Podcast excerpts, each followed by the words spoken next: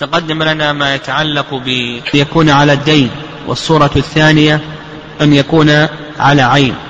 كذلك أيضا صلح الإنكار إما أن يكون على دين أو أن يكون على عين. وذكرنا أن صلح الإقرار إذا كان المدعى به فإن حكمه حكم وأما صلح الإنكار غير المال المدعى أما إذا كان فهو إسقاط وترع فإذا ادعى عليه دينا وأقر بالدين ثم أسقط بعضه فهو إسقاط تبرع لكن لو أقر بالدين وصالحه على سيارة يعطيه بدل هذا الدين سيارة فهذا حكم حكم ماذا؟ البيع. هذا بالنسبة للصلح الإقرار. وأما بالنسبة للصلح الإنكار فهو للمدعي بيع لأنه يأخذ المال المصالح عليه مقابل ما يعتقده من ماله ويدعيه من ماله فهو بالنسبة للمدعي بيع.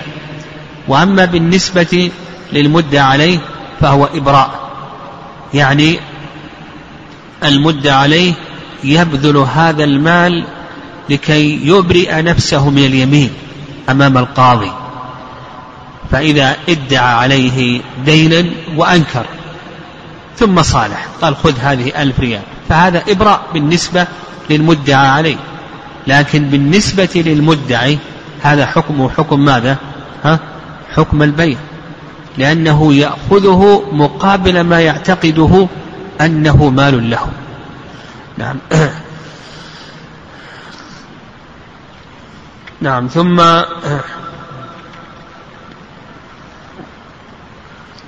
نعم قال وهو للمدعي بيع لأنه نعم للمدعي بيع يرد معيبة ويفسخ الصلح ويؤخذ منه بشفعة وللآخر إبراء فلا رد ولا شفعة.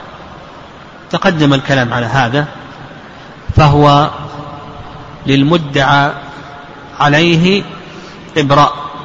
لأنه يدفع هذا المال المصالح عليه ابتداء لأي شيء؟ ليمينه وإبراء لنفسه. فلهذا ولهذا قال لك المؤلف فلا رد ولا شفعة لو حصل بهذا المال المصالح عليه عيب فإنه لا يملك الفسق لأنه ليس عيبا ليس بيعا وإنما هو إبراء. كذلك أيضا لا تجري فيه الشفعة مثال ذلك. ادعى عليه دينا قدره عشرة آلاف ريال. فأنكر. قال أنت لا تريد مني شيئا. أو سكت وهو يجهل. ثم بعد ذلك المدعى عليه صالح. المدعي. المدعى عليه صالح المدعي. وأعطاه جزءا له من أرض مشاعة أعطاه جزءا له من أرض مشاعة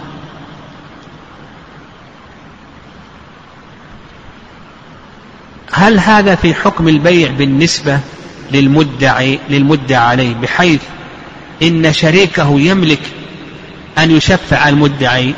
أو نقول بأنه ليس في حكم البيع. لو قلنا بأنه في حكم البيع فشريك المدعى عليه يشفع على من؟ على المدعي. لأن هذا النصيب انتقل لمن؟ للمدعي. أعيد الصورة. قال لك المؤلف لا شفعة. هذا زيد يريد من عمرو عشرة آلاف. عمرو أنكر.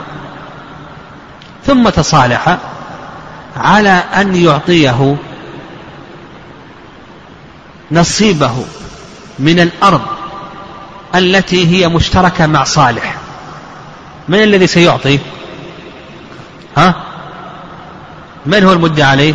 عمرو سيعطي من؟ زيدا. عمر المدعى عليه الذي أنكر الدين سيعطي زيد المدعي نصيبه من الأرض المشتركة مع صالح. اتفق على ذلك.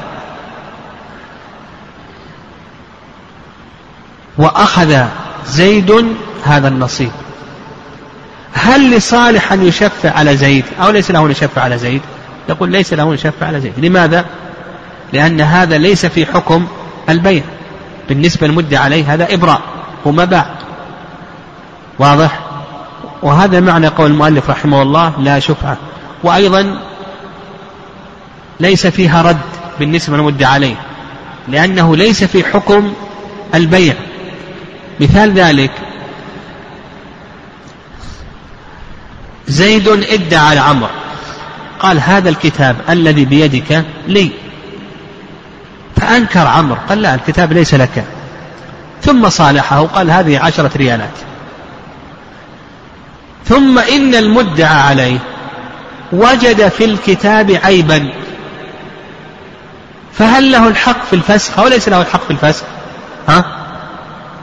هل للمدعى عليه الحق في أن يفسق أو ليس له الحق؟ نقول ليس له الحق. لماذا؟ لأن هذا بالنسبة للمدعى عليه ها؟ أنه إبرة ليس له حق الفسق. لكن لو كان العكس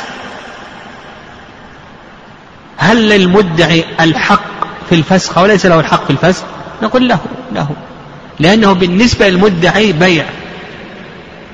فمثلا زيد ادعى على عمرو أنه يريد منه دينا قدره عشرة آلاف.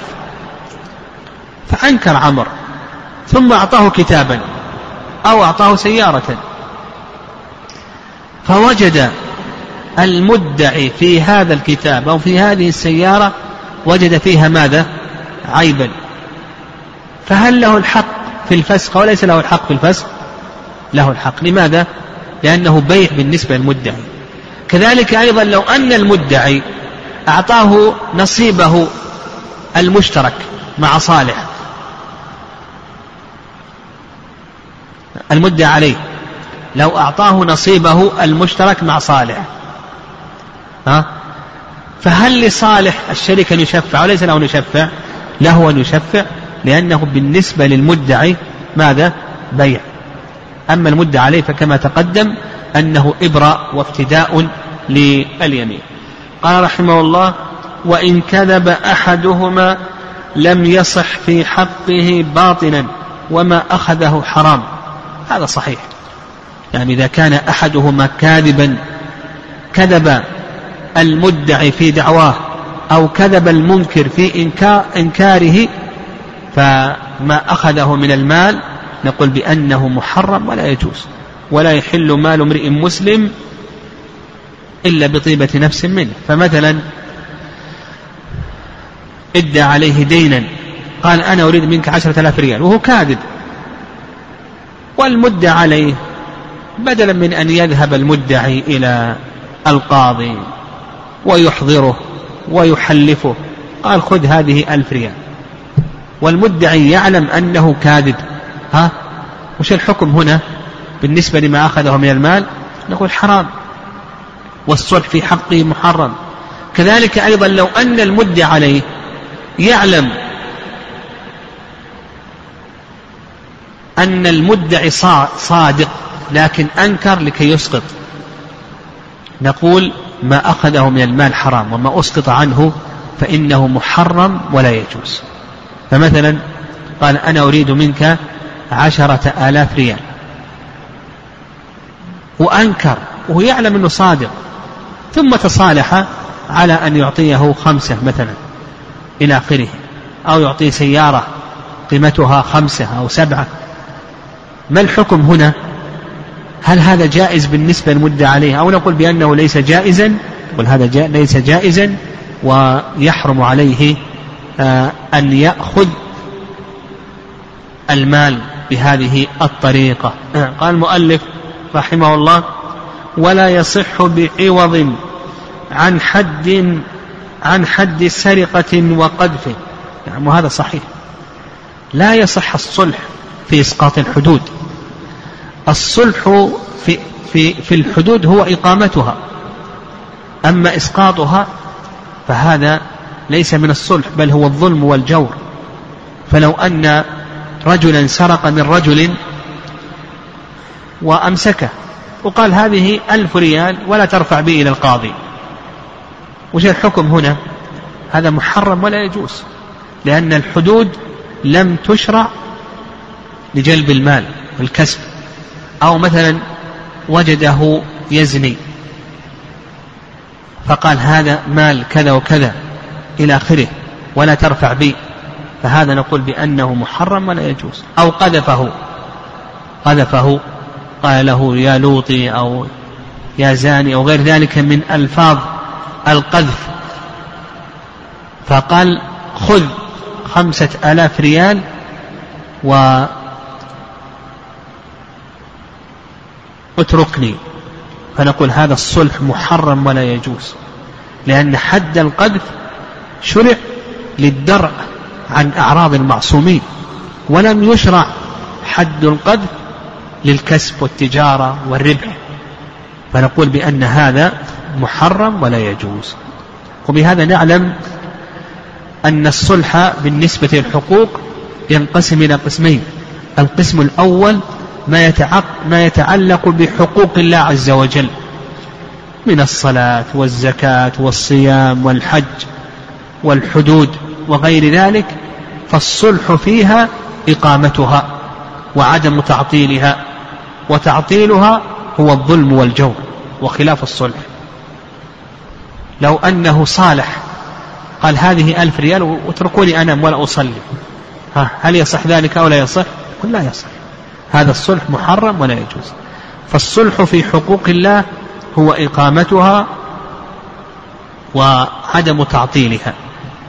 ولا مدخل للصلح في حقوق الله عز وجل وإنما الصلح كما تقدم هو في إقامتها وعدم تعطيلها.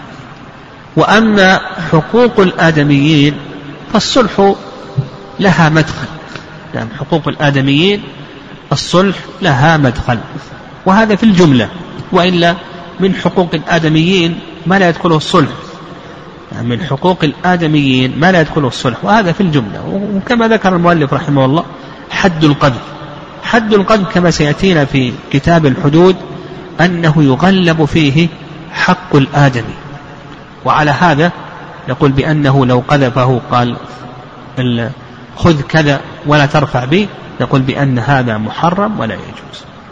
لكن القصاص في قتل العمد إلى آخره هذا المغلب فيه حقوق الآدميين يصح الصلح وردت به السنة كما سيأتينا في باب القصاص.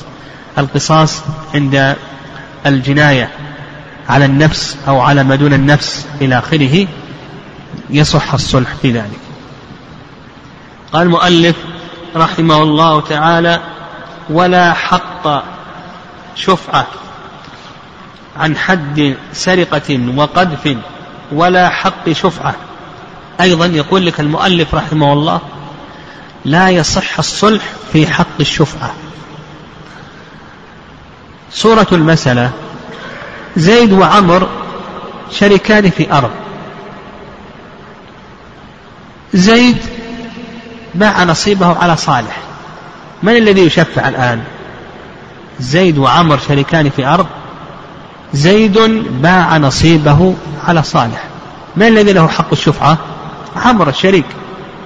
يشفع على من؟ على صالح المشتري. يعطيه ما دفعه لشريكه زيد ويأخذ النصيب كله. فلو أن عمرا قال لصالح لا تشفع أنا أبقى في نصيب زيد. نعم آه، صالح. صالح قال لعمر لا تشفع. وأبقى في نصيب زيد وأن تبقى في نصيبك وخذ كذا وكذا من المال. يصالحه على ترك الشفعة. هل يصح الصلح أو لا يصح الصلح؟ نعم أعيد الصورة. زيد وعمر شريكان في هذه الأرض. زيد باع نصيبه على صالح هذا المشتري. الآن صالح حل محل زيد في الأرض. عمر له حق الشفعة. له أن يشفع على من؟ على صالح. فيعطيه ما دفعه لشريكه زيد ويأخذ جميع النصيب. قال صالح المشتري لعمر لا تشفع. وهذه كذا وكذا من الدراهم. أسقط الشفعة وهذه كذا. هل يصح ذلك ولا يصح؟ قال لك المؤلف رحمه الله لا يصح لا يصح ذلك. لماذا؟ قال لأن الشفعة شرعت لدفع الضرر لدفع الضرر المتوقع من الشريك الجديد. فلكي يستقر يستقل الشريك الذي هو عمر بكل النصيب لكي يستقل بكل النصيب ويدفع الضرر لأنه سيكون له شريك صالح بدل زيد ربما يلحقه ضرر بذلك. فشرع له الشفعة. هذا ما ذهب إليه المؤلف رحمه الله تعالى. والرأي الثاني في المسألة ولرجحه الشيخ السعدي رحمه الله وغيره من أهل العلم أنه تصح أو يصح الصلح عن حق الشفعة. أن الصلح يصح عن حق الشفعة. وهذا كما ذكرنا هو الذي رجحه الشيخ السعدي رحمه الله وهو الصواب. لماذا؟ لأن هذا حق مالي. وإذا كان حقا ماليا فله أن يعاوض عنه. وهذا القول هو الصواب.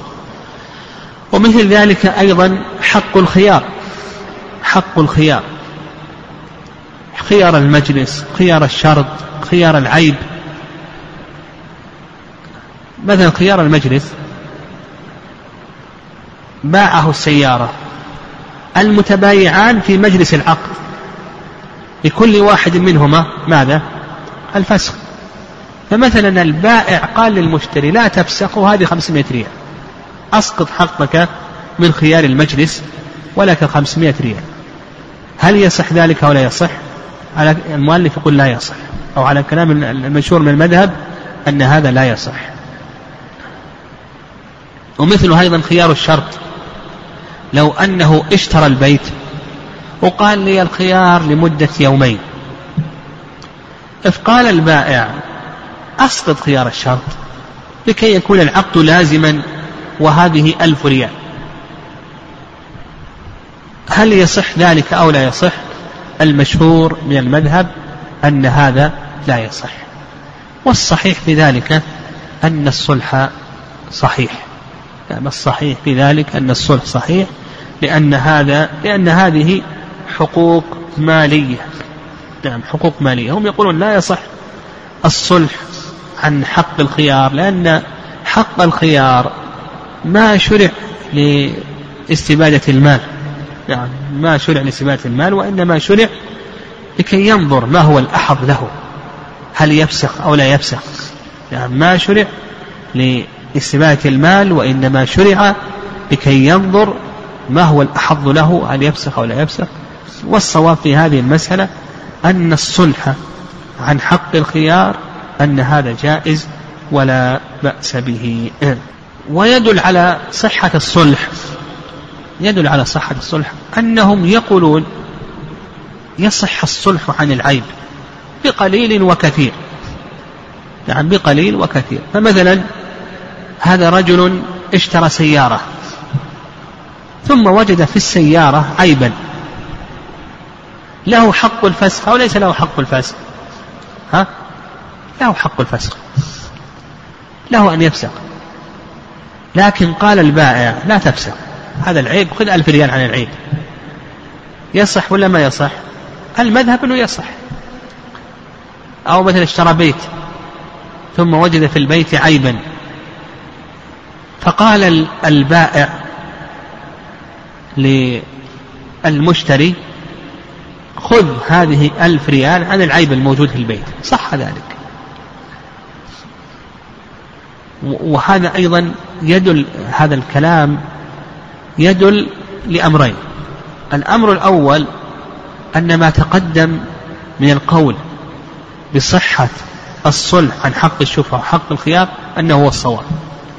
والأمر الثاني يدل على أن الصلح يتوسع فيه. ما لا يتوسع في غيره. لأن المشتري قد يطالب بالأرش. ما ندري كم الأرش. وقالوا هالبيع خذ ألف ريال. ربما يكون الأرش ألفين. واضح؟ يعني هو الآن وجد اشترى سيارة مثلا بخمسين ألف. المشتري وجد فيها عيبا. لو ذهبنا نقدر العيب عندها الخبرة ربما يكون بألف ربما يكون بألفين ربما يكون بخمسة. لكن لو قال خذ ألف ريال وانتهينا. يصح ذلك ولا ما يصح؟ يصح. يعني يصح ذلك لأن الصلح ماذا؟ ها؟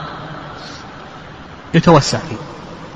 ومن ذلك أيضا يعني من ذلك أيضا الصلح عن الأشياء المجهولة.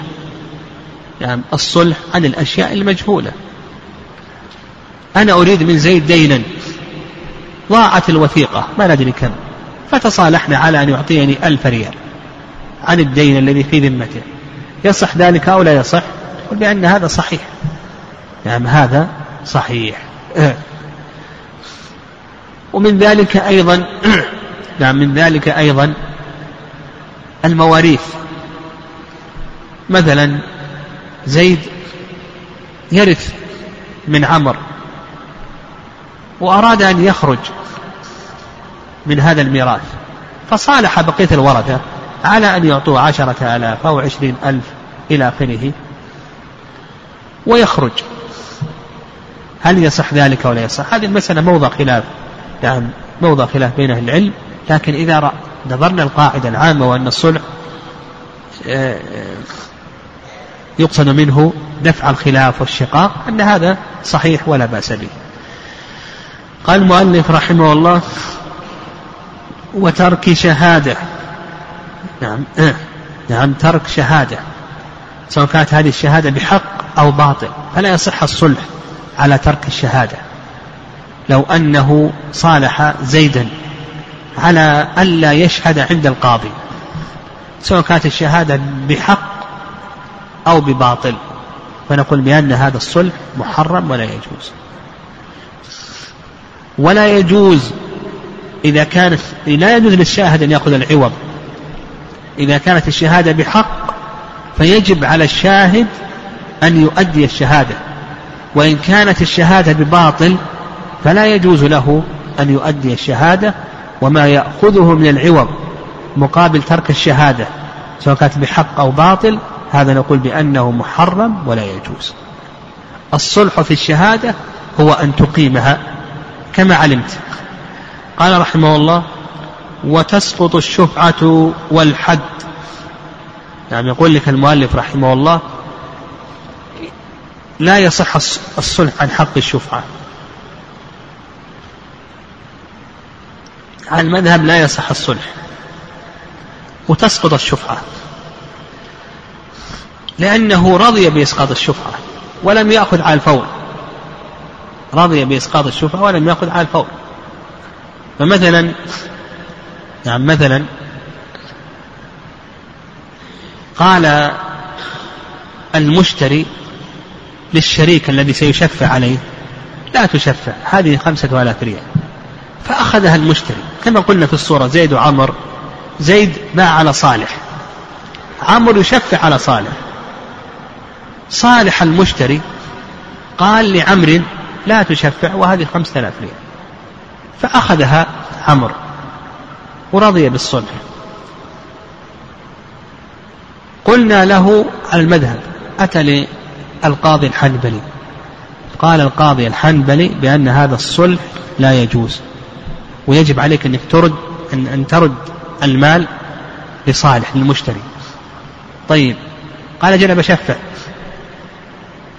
لما تبين أن الصلح باطل قال بشفع مرة أخرى. ها؟ يسقط حقه من الشفعة ولا ما يسقط؟ قال لك المؤلف يسقط حقه من الشفعة.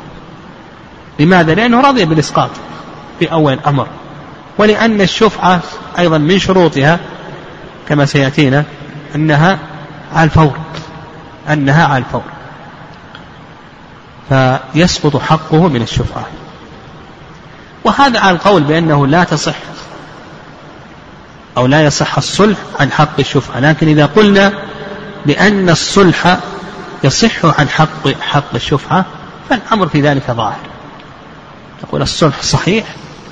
نعم إذا آه، قلنا بأنه غير صحيح فلا أقل بأن من أن نقول بأن الحق يكون باقيا له للشريك. الحق يكون باقيا للشريك. قال المؤلف رحمه الله تعالى والحد يعني حد القذف. أما حد السرقة الحدود التي يغلب فيها حق الله عز وجل فهذه لا تسقط بالمصالحة. لكن لو أن شخصا صالح من قذفه على أن يعطيه ألف ريال ولا يرفعه إلى القاضي. قلنا بأن هذا الصلح محرم ولا يجوز طيب قال برفع أجل ها هل يسقط حقه من حد القذف أو لا أو لا يسقط؟ يقول لك المؤلف رحمه الله يسقط. لماذا؟ لأنه راضي بالإسقاط وأخذ العوض وتبين أن العوض أصبح محرما فالإسقاط ساقط الحد ساقط وهذا القول هو الصواب أنه يسقط حقه كما ذكر المؤلف رحمه الله لأنه رضي بإسقاط الحد. لكن يبقى حق الله عز وجل لأن حد القذف فيه حق الله وحق من؟ وحق الآدمي. وإن كان يغلب فيه حق, حق الآدمي لكن يبقى حق الله وهو التعزير.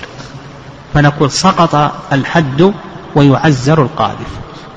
قال المؤلف رحمه الله وإن حصل غصن شجرة في هواء غيره أو قراره أزاله فإن أبى لواه إن أمكن وإلا فله قطعه. هنا شرع المؤلف رحمه الله في ذكر شيء من أحكام الجوار. الجوار في اللغة يطلق على معاني منها المساكنة والعهد والأمان.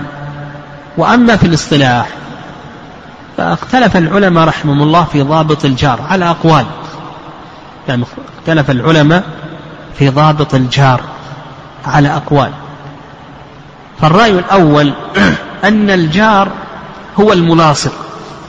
يعني هو الذي جداره يلاصق جدارك. هذا هو الجار. والرأي الثاني أن الجار أربعون بيتا من كل جانب. وهذا كان في الزمن السابق لما كانت البيوت صغيرة أربعون بيتا من كل جانب. والرأي الثالث أن الجار أو أن الجيران هم الذين يجمعهم مسجد الحي. فالذين يجتمعون في مسجد الحي هم الجيران. وهذا قريب هذا القول قريب.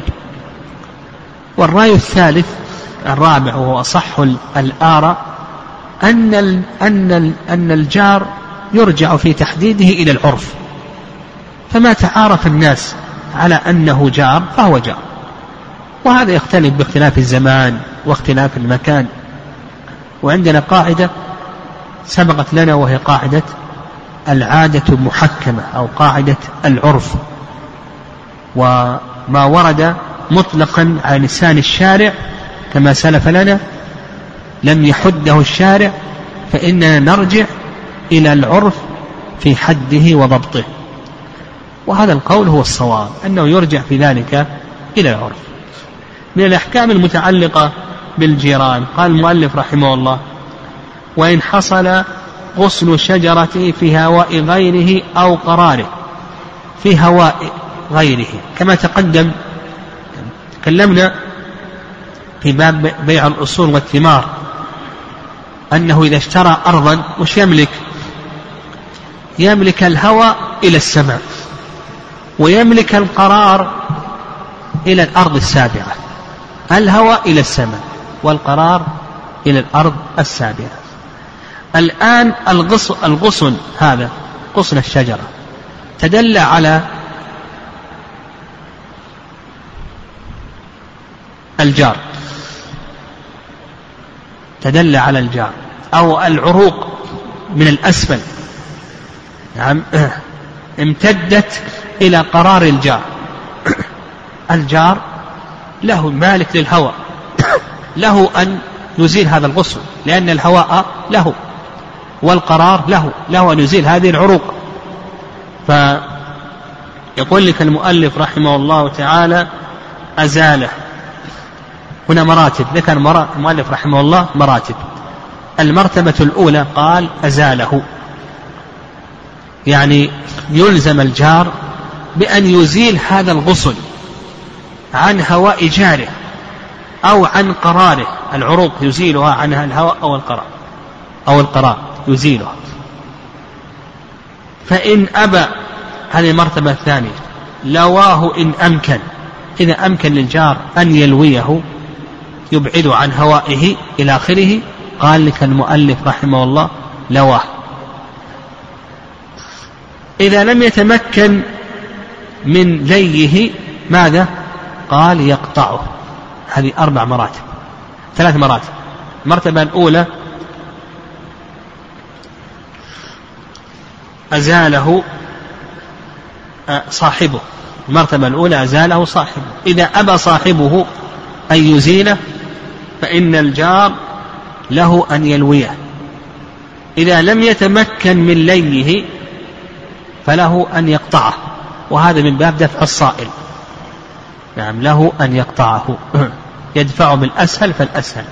إذا لم يندفع إلا بالقطع فله ماذا؟ له أن يقطعه. طيب.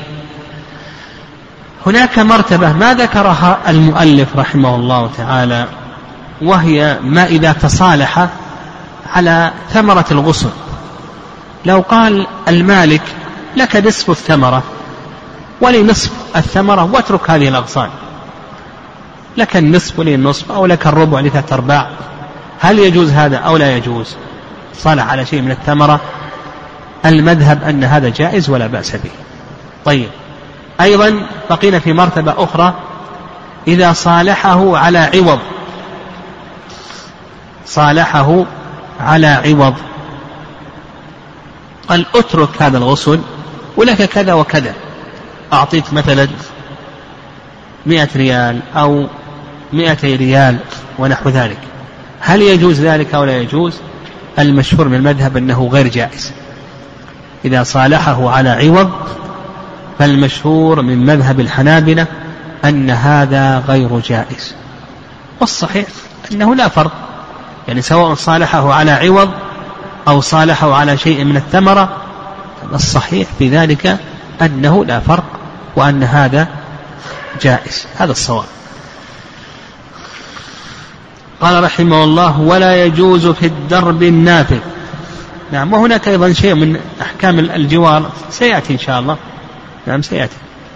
وهنا أيضا ذكر المؤلف رحمه الله شيئا من أحكام المرافق العامة كالطرق ونحو ذلك كما سيأتي. ذكرنا فيما تقدم أن هذه المرافق أنها تبحث يبحثونها هنا ويبحثونها أيضا في باب إحياء الموات. نعم في باب إحياء الموات. قال المؤلف رحمه الله ويجوز في الدرب النافذ فتح الأبواب للاستطراق. نعم. الدروب أو الطرق تنقسم إلى قسمين وهذا كان في الزمن السابق وربما أنه يوجد في بعض البلاد. نعم ربما أنه يوجد في بعض البلاد. فالدروب والطرق تنقسم إلى قسمين. القسم الأول طرق طرق نافذة عامة. طرق نافذة عامة. فهذه هي التي أراد المؤلف رحمه الله. نعم آه، بيان بيان حكمها وسيأتي ما يتعلق بالقسم الثاني وهي الطرق الخاصة غير النافذة المشتركة التي تكون بين بعض الأبيات بعض الجيران. تكون هناك أبيات لهم طريق خاص. نعم لهم طريق خاص. فالطرق العامة قال لك المؤلف رحمه الله يجوز فتح الأبواب للاستطراق. يعني يجوز في الطرق العامة فتح الأبواب الاستطراق وهذا بالاتفاق. نعم وعليه عمل المسلمين. لأن الطريق العام حق لجميع المسلمين فلهم أن ينتفعوا به. طيب قال لك لا إخراج روشا هذا الحكم الثاني. فتح الأبواب تبين لنا جائز جائز وليس جائزا. أن هذا جائز ولا بأس به. طيب الحكم الثاني إخراج روشا قال لك المؤلف رحمه الله لا بد من إذن الإمام. المذهب أنه لا بد من إذن الإمام. قال لك المؤلف ما في إخراج روشن إلا بإذن الإمام أو نائبه. وما هو الروشن؟ الروشن هو أن يخرج طرف البناء أن يمد شيء من طرف البناء. نعم أن يمد شيء من طرف البناء ويسمى في عرفنا ها البلكونة. يعني هذا سطح الجار مثلا يمد شيء من طرف البناء لكي يتوسع. مثلا هذه الغرفة العلوية يمد مثلا متر في التسقيف لكي تتوسع هذه الغرفة. واضح؟ إخراج هذا الروشن شيء من طرف البناء. ومثل ما يسمى عندنا الآن بالبلكونة. قد تكون الغرفة إلى هنا ويخرج شيئا من البناء أو من السقف على الطريق العام لكي يستفيد. ها؟ هذا يقول لك المشهور من المذهب أن هذا مرجع مثل هذه الأشياء. إلى من؟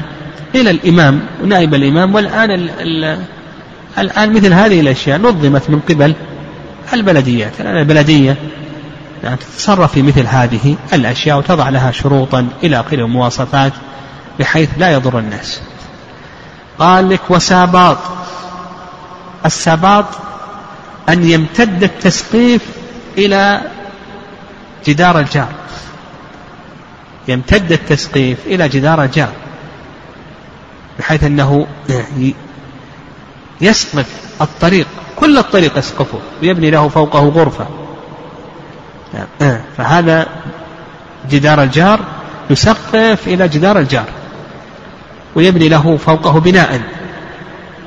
هذا السقف الذي مد إلى الجدار الآخر ها جدار الجار أو جدار نفس الشخص إذا كان له البيت الآخر. المهم أنه سقف الطريق. هذا يسمى هذا؟ يسمى صاباط. فيقول فهذا مرجعه إلى إذن الإمام. لا بد أن يأذن فيه الإمام. نعم. قال ودكة. نعم. دكة. وهي بناء يوضع للجلوس عليه. بناء يوضع عند الأبواب للجلوس عليه. هذا مرجعه إلى ماذا؟ إلى الإمام. وميزاب. نعم. الميزاب. معروف الميزاب. يعني فهذا أيضا يقول لك المؤلف رحمه الله مرجع ذلك إلى الميزاب. نعم مرجع ذلك إلى إذن الإمام. كما تقدم مثل هذه الأشياء الآن لها تنظيمات الآن وهي تختلف باختلاف الزمان والمكان يعني باختلاف الدول مثل تنظيم مثل هذه الأشياء. والقاعدة في ذلك أن مثل القاعدة في ذلك أن مثل هذه الأشياء يعني المرافق العامة أن القاعدة فيها أن الانتفاع حق لجميع المسلمين. هذه المرافق العامة هذه المرافق العامة الانتفاع فيها حق لجميع المسلمين. حق لجميع المسلمين. لكن يقيد هذا الحق يقيد حق الانتفاع بألا يكون هناك ضرر. فإن كان يتولد من ذلك ضرر فإن هذا لا يجوز. قال ولا يفعل ذلك في ملك جار ودرب مشترك بلا إذن مستحب. ما تقدم فيما يتعلق بالطرق العامة لكن الطرق الخاصة المشتركة فما يفعل ذلك كما تقدم ذكر المؤلف رحمه الله تعالى ما يخرج الروشن ولا الساباط ولا الدكة في ملك الجار وكذلك أيضا في الطرق الخاصة إلا بإذن أصحابها لأن الحق متعلق بهم. فلا بد من إذنهم. هم ملاك هذا الطريق أو هذا البيت ونحو ذلك فلا بد من إذنهم. قال المؤلف رحمه الله تعالى وليس له وضع خشبة على حائط جاره إلا عند الضرورة إذا لم يمكنه التسقيف إلا به. هذه أيضا من أحكام الجيران. من أحكام الجيران. هل للجار أن يضع خشبه على جدار جاره أو لا؟ المشهور من المذهب أن له ذلك بشرطين. الشرط الأول أن يكون محتاجا إلى ذلك بحيث لا يمكنه التسقيف إلا بوضع الخشب على جدار جاره الشرط الأول أن يكون محتاجا بحيث لا يتمكن من التسقيف إلا إذا وضع خشبه على جدار جاره. الشرط الثاني عدم ضرر الجدار. لأن الضرر لا يدفع بالضرر. ويدل لذلك حديث أبي هريرة رضي الله تعالى عنه أن النبي صلى الله عليه وسلم قال لا يمنعن جار جاره أن يغرز خشبه أو خشبة في جداره. يقول أبو هريرة ما لي أراكم عنها معرضين. يعني عن هذه السنة والله لأرمين بها بين أكتافكم. خرجاه في الصحيحين. والرأي الثاني رأي رأي جمهور العلماء أن الجار لا يضع خشبه على جدار جاره إلا بإذن الجار. إلا بإذن الجار. المشهور من المذهب أنه لا يشترط إذن الجار لأن الشارع أذن لك. فما دام أنه توفر الشرطان فإنه لا يشترط إذن الجار لأن الشارع أذن لك. والرأي الثاني أنه لا بد من إذن الجار وهو رأي جمهور العلماء رحمهم الله واستدلوا على ذلك بحيث جابر إن دماءكم وأعراضكم وأموالكم عليكم حرام. إن دماءكم وأموالكم وأعراضكم عليكم حرام. والأصل في مال المسلم الحرمة. أصل في مال المسلم الحرمة. والصحيح أن هذا مستثنى. نعم الصواب في هذا أن هذا مستثنى. الشارع استثناه فنقول الجار له أن يضع خشبه على جدار جاره. هذا الصواب في هذه المسألة. بالشرطين السابقين وإن لم يأذن الجار وليس له أن يمنع. نعم ليس للجار أن يمنع. ومثل ذلك اليوم يعني يمكن الآن التسقيف قل أو ندر مثل ذلك اليوم إذا احتاج إلى جدار الجار لكي يضع فيه مواسير ماء أو لكي يضرب فيه وتد أو مسامير أو أسلاك كهرباء أو نحو ذلك. هل للجار أن يمنع أو ليس له أن يمنع؟ تقول من باب أنه ليس له أن يمنع. بالشرطين. أن يكون محتاجا والشرط الثاني ألا يكون هناك ضرع على الجدار فيتوفر الشرطان فنقول بأن هذا له ذلك. ومثل ذلك أيضا لو كان الجدار لمسجد أو كان الجدار ليتيم نعم هذا الحكم في ذلك واحد. قال رحمه الله تعالى وكذلك المسجد وغيره. يعني كما لو كان الجدار ليتيم فيجوز للجار بالشرطين السابقين. قال رحمه الله وإذا انهدم جدارهما أو خيف ضرره فطلب أحدهما أن يعمره الآخر معه أجبر عليه. وكذا النهر والدولاب والقناة. هذه أيضا من أحكام الجوار. من أحكام الجوار إذا انهدم الجدار المشترك بين الجارين أو خيف ضرره بأن مال ويخشى سقوطه. فطلب أحدهما أن يعمره الآخر معه أجبر عليه. وهذا هو المذهب. دفعا للضرر. فإذا خيف سقوطه أو انهدم فطلب الآخر أن يعمره جاره معه فإنه يجبر. دفعا لأي شيء؟ نعم دفعا للضرر. والرأي الثاني نعم رأي الشافعي في الجديد نعم وهو رواية عن الإمام مالك رحمه الله تعالى أنه لا يجبر.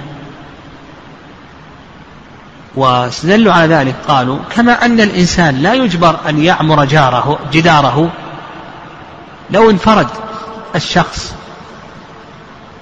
بالجدار وانهدم جداره لا يجبر أن يعمر جداره. فكذلك أيضا إذا كان مشتركا لا يجبر أن يعمره. هذا كما قلنا رأي الشافعي في الجديد وهو رواية عن الإمام مالك رحمه الله تعالى. والأقرب أن يقال في ذلك أن يقال في ذلك تفصيل. فنقول بأن هذا لا يخلو. أولا يعني أن يخشى من ضرر الجدار. كما لو كان الجدار مائلا متهيئا للسقوط. فنقول يجبر الممتنع دفعا للضرر. فنقول إذا كان فيه مضرة كما لو كان الجدار مائلا إلى آخره ويخشى سقوطه تأذي الناس به فنقول يجب عليه أن يزيل هذا الجدار ويجبر الممتنع. هذا القسم الأول. القسم الثاني إذا لم يكن هناك ضرر. إذا لم يكن هناك ضرر.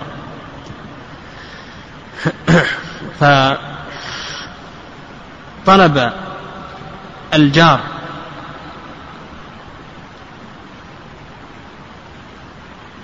نعم إذا لم يكن هناك ضرر فطلب الجار من جاره أن يعمر معه الجدار.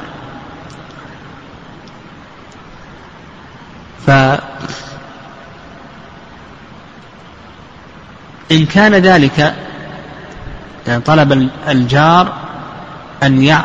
من جاره أن يعمر معه الجدار.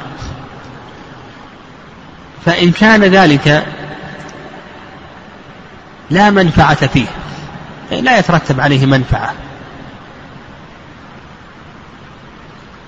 أو أن المنفعة المترتبة من عمارة الجدار يسيرة فإنه لا يجب عليه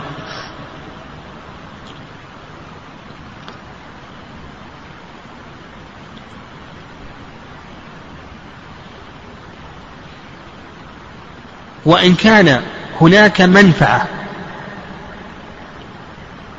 للشريك وعدم العمارة فيه مضرة على الشريك الآخر فنقول يجب عليه.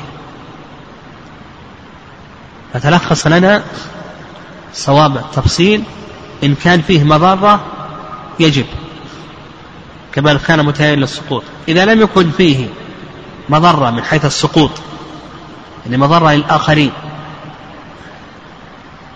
فإن كان فيه منفعة إن كان لا منفعة للجار من العمارة أو المنفعة يسيرة هذا لا يجب عليه.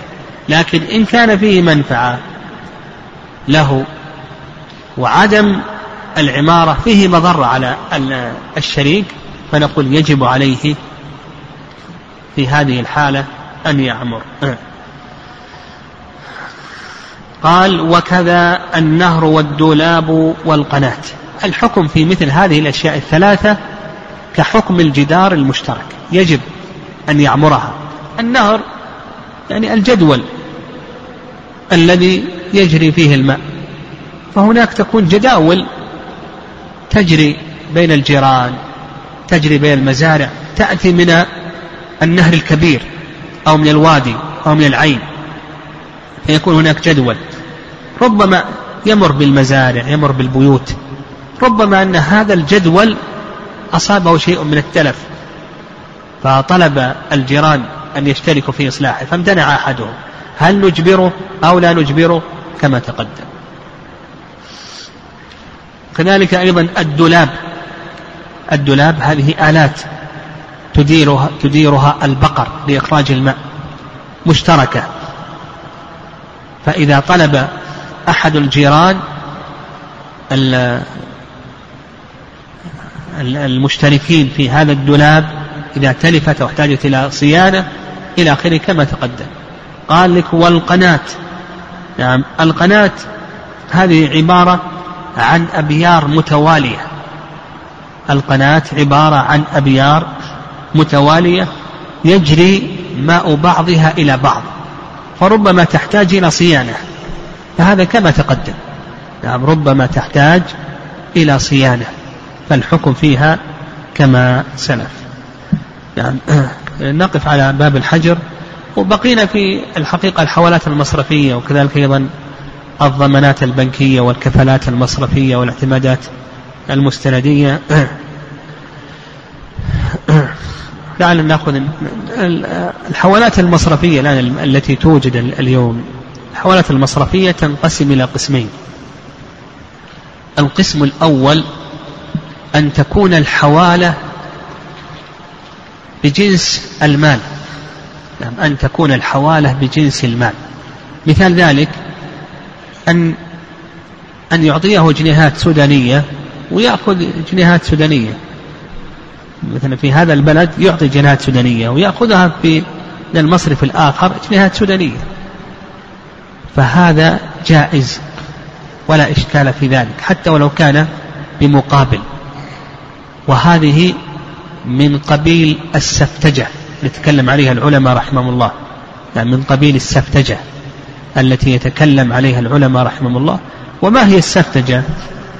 السفتجة هي أن تعطي شخصا مالا تعطيه ألف ريال على أن يعطيها وكيلا لك مثلا في مكة. هذه كانت موجودة في الزمن السابق. تعطيه ألف ريال هو يستفيد من هذا المال وأنت تستفيد من الطريق. فتلزمه أن يعطيها أو تشترط عليه أن يعطيها وكيلا لك أو أي شخص لك في مكة مثلا في بلد آخر.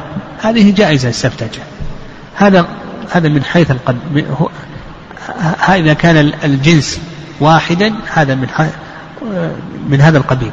القسم الثاني أن يكون الجنس مختلفا.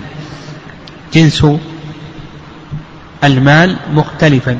كان يعطيه ريالات سعودية ويأخذها جنيهات سودانية في بلده في البلد الآخر. فهذه الحوالة تضمنت أمرين. الأمر الأول المصارفة والأمر الثاني الحوالة تحويل المال. فيها مصارفة. كيف مصارفة؟ يعني أنت إذا أعطيته ريالات السعودية أخذ منك ريالات السعودية. سيصرفها إلى ماذا؟ إلى جنيهات. نعم إلى جنيهات. ثم بعد ذلك يقوم بتحويلها مرة أخرى. نعم. فما يتعلق بالمصارفة يشترط القبض. يعني يشترط القبض. ولهذا بعض العلماء يقول يصارف أول يعطيها الريالات ثم يقبض الجنيهات ثم يعطيه تحويل لكي يقوم بتحويلها هذا ذهب إليه بعض المتأخرين. وجمهور المتأخرين أن هذا ليس شرطا وأنه كونك يعطيك المستند أو يسجل في حسابك أن لك هذا القدر مثلا أعطيته ألف ريال وقال لك ألف ريال تساوي ألف جنيه. سجل لك بحسابك ألف جنيه قالوا هذا هو القبض. لأن القبض يختلف باختلاف الزمان كذلك أيضا يختلف باختلاف ماذا؟ يعني يختلف باختلاف الزمان ويختلف أيضا باختلاف المكان وأما ما يقوم به من الحوالة فهذا هذه أمره ظاهر لكن ما يتعلق بأخذ الأجرة. يعني فنقول أخذ الأجرة على هذا التحويل هذا أيضا جائز. يعني أخذ الأجرة على حصول التكاليف حصول التحويل هذا جائز ولا بأس به ويكون من قبيل أخذ الأجرة على الوكالة. والله أعلم.